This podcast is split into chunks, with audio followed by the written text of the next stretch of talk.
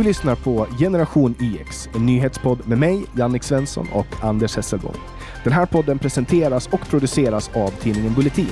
Om du vill vara först med att höra nya avsnitt av Generation IX får du tillgång till dessa genom att bli pluskund på bulletin.nu. Då får du samtidigt tillgång till allt premiummaterial och alla Bulletins poddar före alla andra.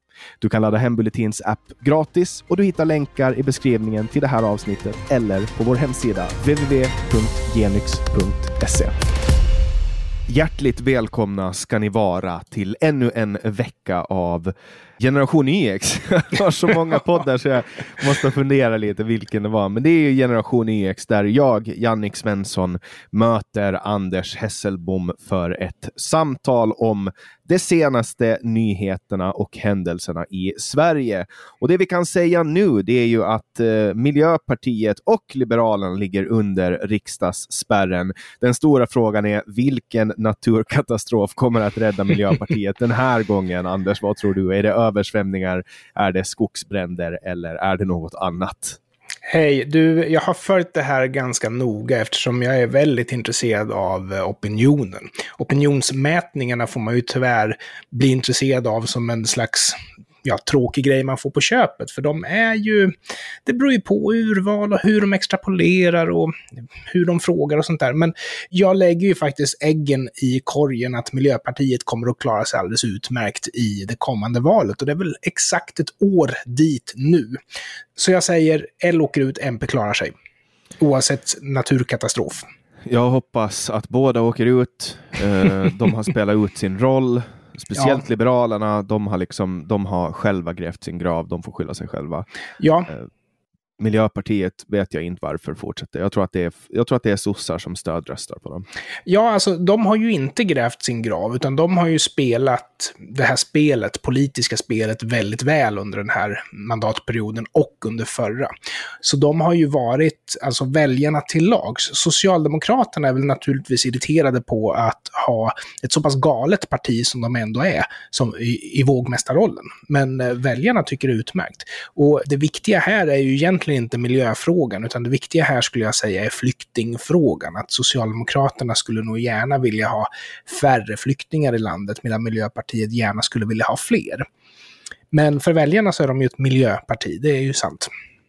Ja, och um bör, desto äldre jag blir, desto svårare blir det att podda.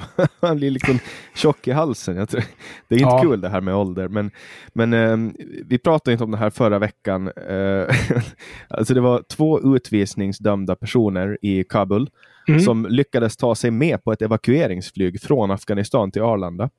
Båda hade då blivit utdöm, alltså utvisade då för att de har dömts för brott och efter avtjänat straff i Sverige hade de då skickats tillbaks till eh, Afghanistan med återreseförbud.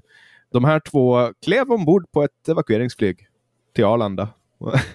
väl i Sverige så konstaterar man att ja, men nu har ju de här brutit mot eh, återreseförbudet. Man upptäckte det på en identitetskontroll vid ankomsten till Sverige och nu eh, riskerar de ett års fängelse för återreseförbud. Ja, jag vet inte vad jag ska säga. Det hade ju varit bra om man hade gjort den här identitetskontrollen innan man flög iväg, men situationen är väl svår där. Men det är så mycket blandad eh, budskap ifrån Afghanistan, så jag tycker frågan är, den är förmodligen mer komplex än vad jag trodde från början. Och dessutom ska man ju komma ihåg att eh, det finns ju de som fortfarande lite grann sympatiserar med talibanerna. Jag tror att till exempel införandet av sharia-lagstiftning och sånt här, det fanns ett ganska högt stöd för det i Afghanistan. Och sen när det väl inte blev så bra, det, då vill man därifrån. Alltså det, det, är en mångbottnad situation. Och jag är ju av den uppfattningen nu att vi ska hjälpa så många som möjligt på bästa möjliga sätt. Vi må vara ett svagt land, kanske på grund av att vi har bränt oss lite grann på dålig flyktingpolitik tidigare. Men vi måste göra vårt bästa. Mm. Ja, utrikesminister Ann Linde som kanske inte känd för att vara den bästa utrikesministern.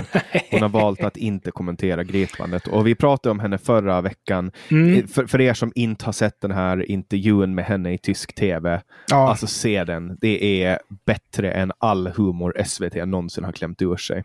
Men det är väl generellt så att eh, regeringen vill inte uttala sig om olika frågor. Man skickar ogärna ansvarig minister till Sveriges Television annat än om det är en intervju.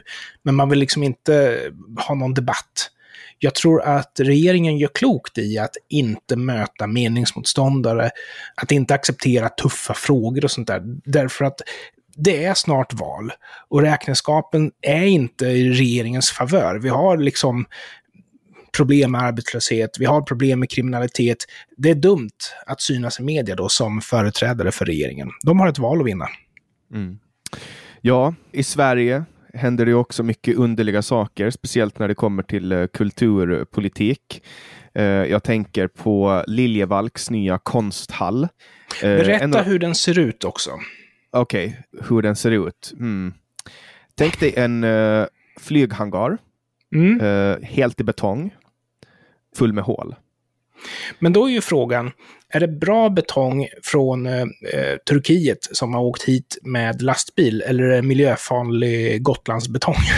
Nej, alltså det här är betong eh, som, alltså det här beslutade man 2013, det var innan eh, Miljöpartiet kom på att, att man inte ska hålla på med betong. Men problemet med den här byggnaden är att den är så ful. Alltså jag, jag har på riktigt aldrig sett en så här full byggnad. Den här är placerad på, på Djurgården, mm. på Stockholms finaste plats. En av de finaste platserna. Det är naturskönt, det är vackert, det är gamla byggnader eh, och här har man då placerat den här. Den skulle ha, ha ursprungligen ha kostat 130 miljoner mm. för den här tillbyggnaden. Då. Sen konstaterar man att ja, men det blir 147 miljoner. Slutnotan hamnar på över en miljard. 570 miljoner. Den blir alltså 440 miljoner kronor över budget. Och då svarar då eh, Jonas eh, Naddebo, som är kultur och stadsmiljöborgarråd i Stockholms stad, eh, citat, det blev lite dyrare än vi tänkt. ja, men alltså det går ju att bygga vackra hus även idag. Det görs ju hela tiden och det finns vackrare material än betong. Den är säkert syftesenlig, men man måste ta hänsyn till exteriören. Alltså som stadsplanerare så vill man väl ändå att staden ska vara attraktiv. Alltså grejen med den här byggnaden när den är helt i betong, den klarar ju alltså, den klarar ju bombnedslag. Ja. Och det är ju en fördel. Nu är ju Sverige alltid på förtryckarnas sida när det kommer till krig. Så att Men vi har ändå någonstans att ha naziguldet på när vi har gett oss ut i krig, höll jag på att säga. Nej, men dyra konstskatter om jag säger så då. Ja, men det kommer, det kommer inte, alltså för att i och med att Sverige ändå, om det blir krig, typ mot Ryssland, så kommer ju Sverige ändå alliera sig med Ryssland. uh, men det som har hänt nu då i, Lil, i Liljevalchs uh, hallen då när man har invigt den, att det regnar in. Ja, men den var ju full med hål sa du ju. Ja, men det är väl någon form av fönster, men, men den är full med hål också i betongen. Det regnar in helt enkelt. Ja, då är det ju inte alls lämpligt plats för att ha fina dyra konstverk, för de måste ju ha rätt luftfuktighet och rätt temperatur för att inte vittra sönder helt enkelt. Jag hoppas att de har tänkt på det. Nej, men det, det som frustrerar mig är att man kan ju titta på omgivningen när man bestämmer vad och hur man ska bygga. Ja. Och det finns ju bra arkitekter. De enda arkitekterna som man aldrig ska anlita, det är ju de som har blivit skolade i Sverige på 80 eller 90-talet. De är helt...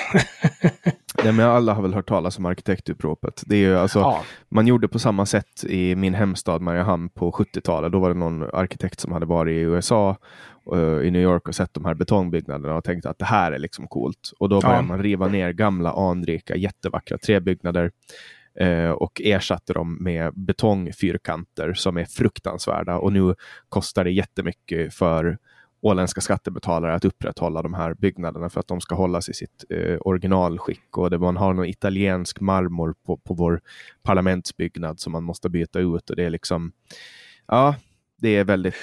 Jag, jag, kan prata illa om Örebro också, för där är knepet liksom att okej, okay, man gör betongbyggnader, men man sätter glasskivor utanpå så blir de futuristiska. Och det har jag ju också sett att det är ett knep som används av flera kommuner. Sen har ju vi där ett så kallat kulturkvarter.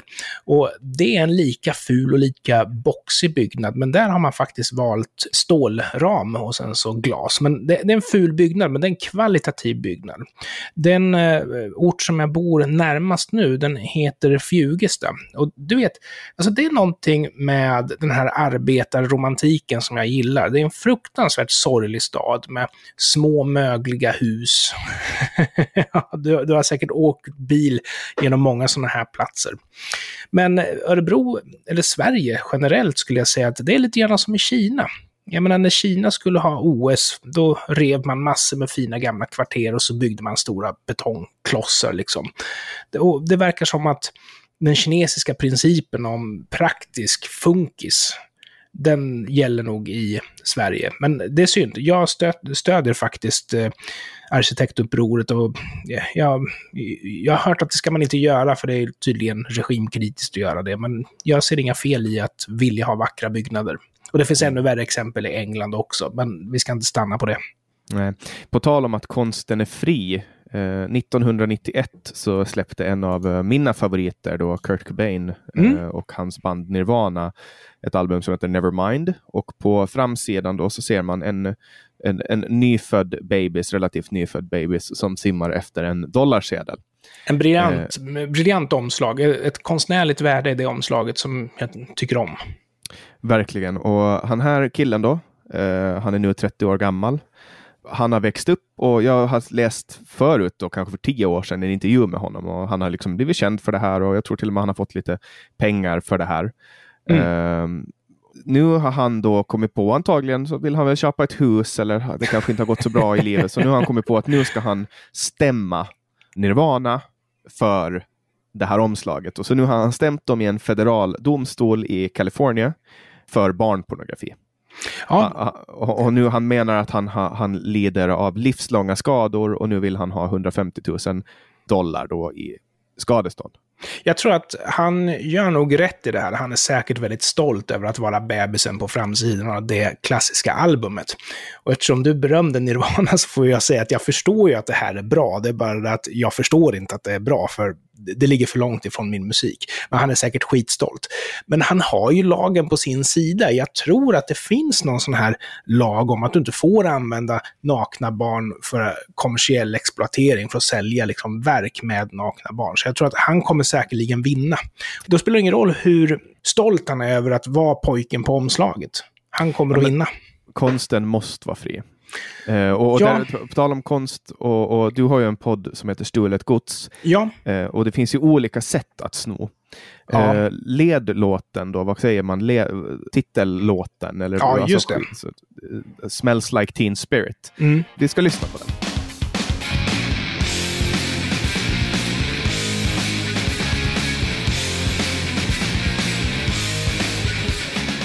Och sen mm. har vi då Boston More than a feeling.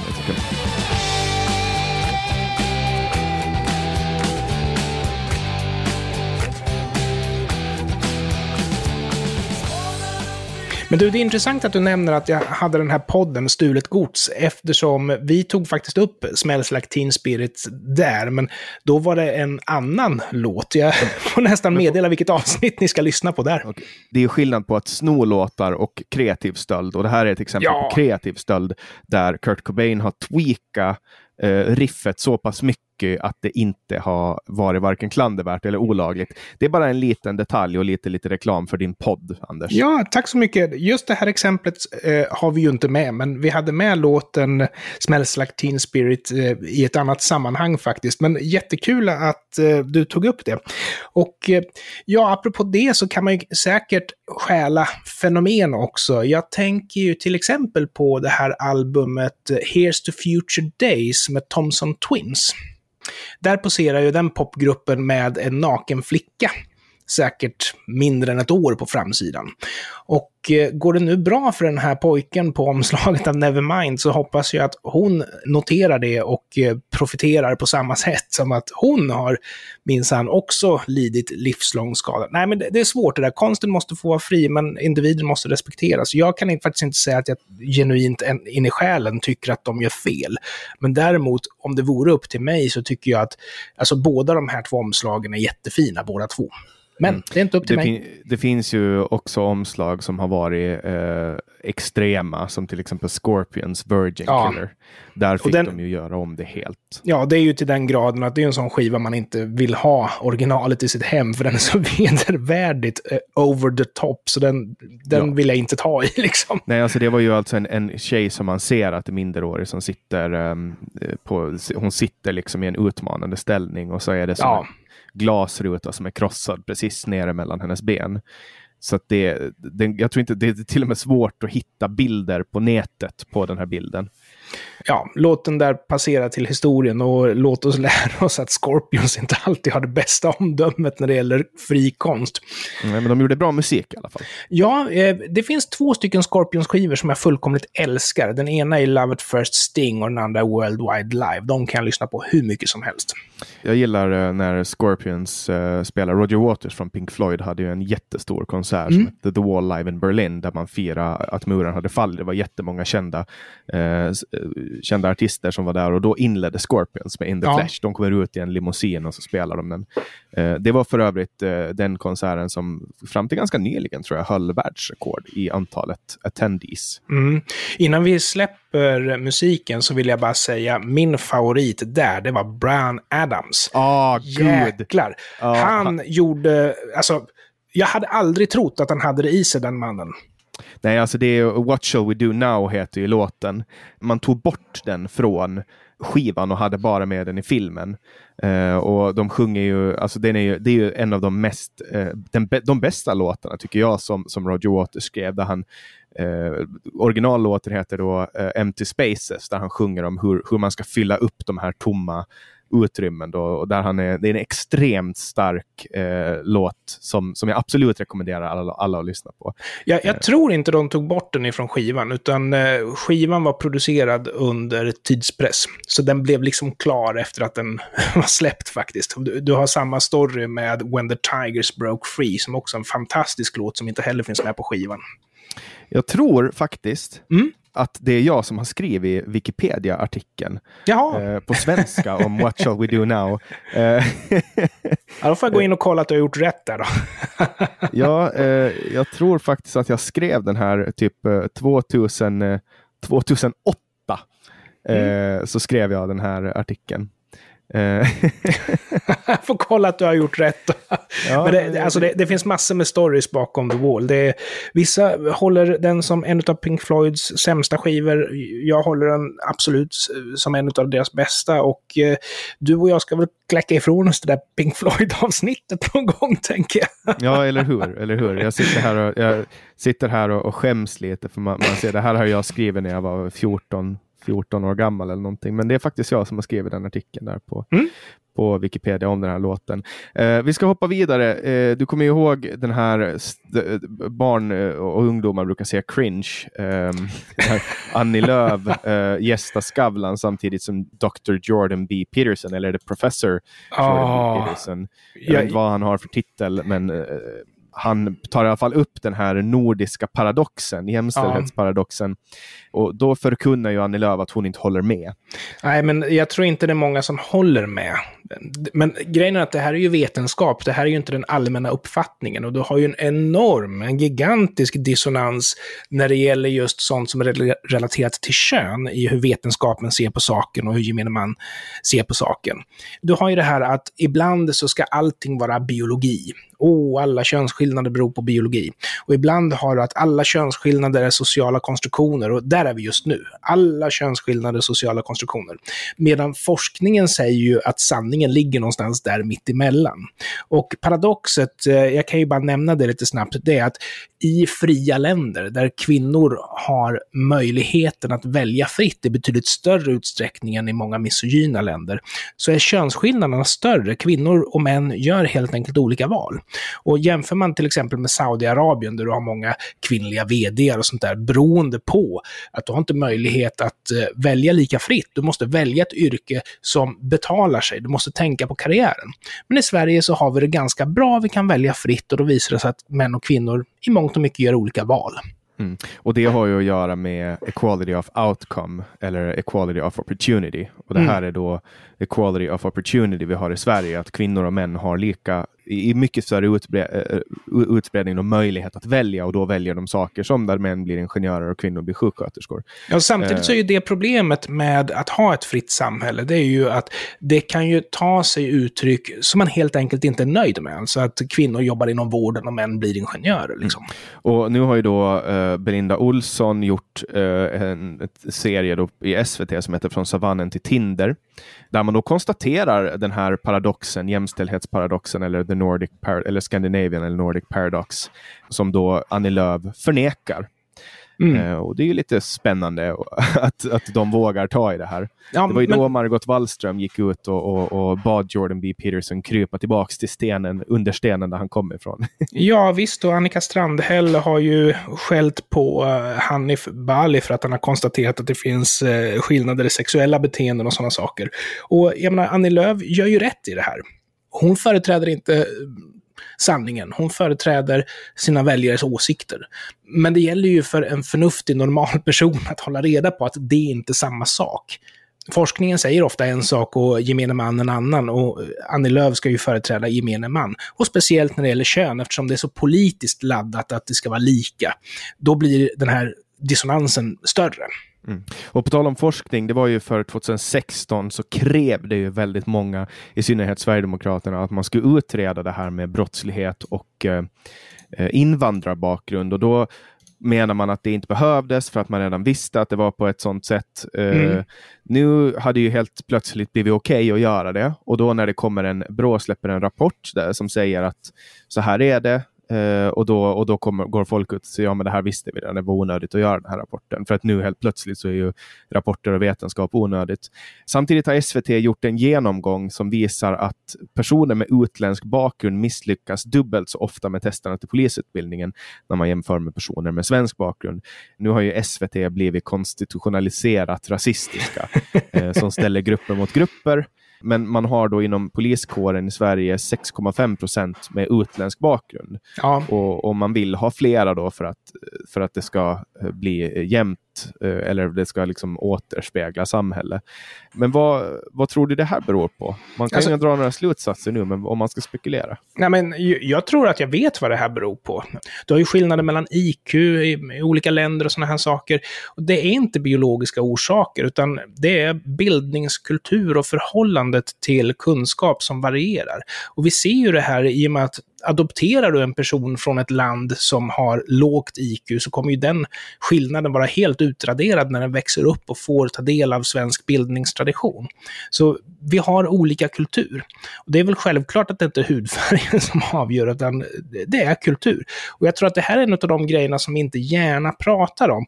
Vi kan tänka oss att säga att ja, men kommer du från en familj där man får lära sig att det är okej okay att slå kvinnor, så finns det en väldigt stor risk att du själv slår kvinnor, för du vet ingenting annat. Ja, men det är ju det kultur betyder. Ja. Alltså, och jag tror att det är bra att veta de här grejerna. Inte för att man ska akta sig för folk som ser annorlunda ut än, än sig själv när man möter dem på stan. Utan för att vi behöver veta vad kriminalitet beror på för att vi ska kunna reparera den. Är det så att vi kan konstatera att ja, men invandrare är överrepresenterade här och underrepresenterade här, då kan vi också bygga oss en förklaring som gör att vi gör rätt nästa gång. Okej, okay, vi behöver ha bättre integrationspolitik till exempel, kan ju vara en slutsats som kommer ifrån den här rapporten. Ja, det de konstaterar då är att störst andel brottsmisstänkta finns då bland inrikesfödda med två utrikesfödda föräldrar, ja. följt av gruppen utrikesfödda och skillnaden mellan de olika gruppernas risk att misstänkas för brott beror bland annat på skillnader i gruppernas åldersfördelning. Ja. Exempelvis finns det en större andel unga personer i gruppen inrikesfödda med två utrikesfödda föräldrar jämfört med inrikesfödda med två inrikesfödda föräldrar och andelen misstänkta för brott är generellt sett större bland unga än bland äldre. Man har ju varit rädd för att genomföra den här rapporten för att det ska spela Sverigedemokraterna i händerna och det har ju folk också sagt nu. Så här, mm. ja, men det här bara, det här ger bränslet i Sverigedemokraterna nu in, inför uh, valet och, och hit och dit. Men jag menar, kollar man på Sverigedemokraterna, de ligger på 19,6 procent i, i, den senaste uh, Novus-undersökningen nu. Ja. Eh, så att, jag, jag vet inte, jag, jag, jag, tror inte att det här gynnar Sverigedemokraterna. Det är massa, alltså det är massa andra, inklusive Socialdemokraterna nu, som, eh, som vill strama till invandringen, som, som har börjat prata om att det här är ett problem. Jag tror inte att det här valet kommer att handla så jättemycket om invandring, om man ska vara helt ärlig. Jag tror att det kommer att handla om andra saker. Ja, jag tror också det. Och jag tror generellt sett att eh, man måste vara lite konsekvensneutral inom både journalistiken och inom vetenskapen. Och det är det som jag saknar, tänkte jag säga. Men det är definitivt en av de grejerna som jag saknar med svensk journalistik och vilka vetenskapliga rapporter man lyfter upp. Det är att man försöker aldrig vara konsekvensneutral. Man tänker alltid, hur kan det här gynna Sverigedemokraterna? Och kommer man fram till någonting så försöker man hitta en vinkel där det inte gör det. Och jag menar, ingen kommer att tacka er. Vi, vi är fullt kapabla att själva bestämma vilket parti vi ska rösta på. Vi behöver inte ha media som tänker åt oss här. Jag tycker att mer kunskap är alltid bra. Ja, och jag tror att valet kommer att handla om uh, gängkriminalitet. Alltså, man har kollat mm. på vad som händer. Uh, jag vet inte om du läste det här med att kriminella Uh, ha, och det här är så sjukt. Alltså, det här är så jävla sjukt. Och det här är grejer som bara försvinner i media. Alltså mm. Jag skrev en tweet idag om att det bästa med SVT, det är, eller det enda bra med SVT, är att man vet att det som står där inte är ett skämt. Det här skulle kunna vara en satirartikel. Och då har alltså kriminella bokat flygbiljetter via Uppsala universitets bokningssystem. eh, och de har använt de här resorna för att smuggla människor, vapen och droger. Det här har hänt förut. Eh, vid två andra tillfällen så har, har man konstaterat att det här har skett. Eh, vi vet att det flera gånger har skett smuggling av människor, vapen och droger som har skett med hjälp av biljetter beställda i universitetets namn. Men nu är det flera år sedan det hände, säger då eh, Marie eh, e-, Engegard som är resesamordnare vid Uppsala universitet. Men nu har det hänt igen. Eh, ja. Och, och, det här är liksom så här, hur, hur kan det här ens hända? Jag tycker det, jag tycker det är så sjukt. Eh, samtidigt som, som en rapport då har, har släppts eh, där, där man i Göteborgs kommun konstaterar att flera chefer eh, väljer att sila information uppåt för att verka mer framgångsrika. Eh, där man också konstaterar att folk eh, inom kommunen som är anställda inte vågar avslöja information för att de är rädda på hot, för hot. Mm. Vilket gör att de låter folk som är grovt kriminella eller har kopplingar till Isis gömma vapen och droger i kommunens lokaler, då, fastigheter. Det här är fruktansvärt allvarligt och det, det, skadar ju det demokratiska systemet när man är så pass rädd eller så pass besvärad av att göra det rätta, att man helt enkelt avstår. Och då måste man ju säga att cheferna som står ovanför i led, ja men får inte de ens information, hur ska de då kunna göra det rätta? Det, det här skadar samhället i allra högsta grad. Mm. Ja, men det här är alltså en, en rapport från en extern konsult och jag tror att det kanske är lite så man behöver jobba ibland om man vill ha fram sanningen. Eh, och nu har ju sanningen varit ganska brutal för, mm. för dem eh, i Göteborg och vi får se vad som händer nu. Men, men det här är, visar ju att, att de gängkriminella har ett hårt grepp om det svenska samhället och att man nu nyttjar den stora, stora eh, offentliga sektorn helt mm. enkelt. Ja, och mm. tar vi det här vidare, alltså allting sitter ju ihop här, för vi har ju dels det vi har pratat om med eh, Göteborg då, hur de mörkar för sina närmaste chefer. Vi har ju haft en annan incident här och det var ju journalister från Sveriges Television som festade med makthavare. Och det kan man ju tycka är rätt okej, okay, liksom de nätverkar och sånt där, men tänker man efter att statsjournalister, det här handlar alltså om Karina Bergfeldt, det handlar om Lisbeth Åkerman, hon som jobbar på eh, Rapport eller Aktuellt eller vad det är för någonting. de hänger med Annie Lööf och med Mona Salin och sådär. Och, det är klart de gör, det är ju samma gäng liksom.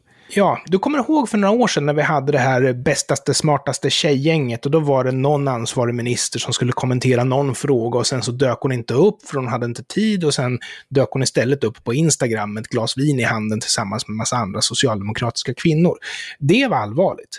Men det är ju egentligen en västanvind mot om det är så att de poserar som objektiva journalister i statskontrollerad media ena stunden och sen är kompis med politikerna som de förväntas granska i andra stunden. Jag, jag menar, inte ens fri media, inte ens Aftonbladet kommer ju undan med en sån här grej.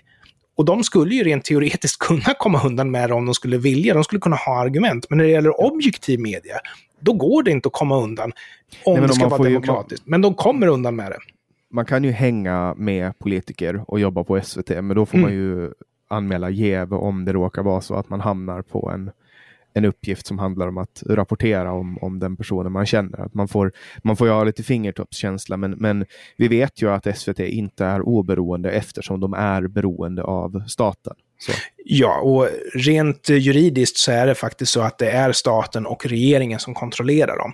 Man har ju ett mellanlager på ägandet, men det är ju, det är ju en pappersprodukt om ja, man ska vara helt ärlig. Det är fortfarande regeringen som tillsätter styrelsen och styrelsen bestämmer. Ja, och notera det, det är alltså inte riksdagen, det är regeringen som tillsätter styrelsen. Ja. Jag tycker att vi har gjort ett bra avsnitt idag. Vad tycker du, Anders? Ja, men jag är jättenöjd. Eh, det blir alltid bra när vi har saker att vara upprörda över och det är ju inte en bristvara i det här landet, ska man säga. Nej, jag är glad att jag är i Finland nu. Eh, det är lätt Grattis. att man Tack. Det är lätt att man blir alltså, apatisk när man är i Sverige. Att det händer så mycket eh, tokskaper så att man blir liksom apatisk. Och då tänker jag ofta på Finland och, och att vi ändå har någon form av, av sans i landet. Jag tänker på den här eh, finansministern, jag har pratat om det förut, Katri Kulimi som fick avgå för att hon, hon anlitade lite för dyra konsulter. Det var ingen snack om saken, hon avgick. Mm. Eh, I Sverige kan du göra vad som helst och fortsätta vara minister. Jag tänker på Ygeman, mannen med hundra liv. eh, det är väl det fördelen med, med landet han har skapat. Han skulle kunna bli skjuten av gängkriminella men ändå fortsätta leva. ja, precis. Alltså. Han, han, är kanske mästaren på sitt område då, Ygeman. Mm. Och med det så tackar jag jättemycket för att eh, för dig Anders, för att du var mm. med idag som vanligt och för dig som har lyssnat. Och ni får jättegärna gå in på bulletin.nu och bli plusprenumerant och stödja den här podden då genom att bli plusprenumerant och då får ni ta del av allt material som Bulletin gör. Det är en tidning som växer. Det är en tidning med enligt mig mycket, mycket bra innehåll och ni får tillgång till alla poddar som Bulletin släpper. Några exklusiva, några sju dagar innan. Vill ni veta mer om mig och Anders så kan ni gå in på www.genyx.se. Vi släpper nya avsnitt alla fredagar för Bulletins plusprenumeranter och måndagar för er som inte ännu är plusprenumeranter. Jättestort tack för att du har lyssnat den här veckan. Sprid gärna den här podden och jättestort tack till dig Anders. Tack så mycket. Hej då!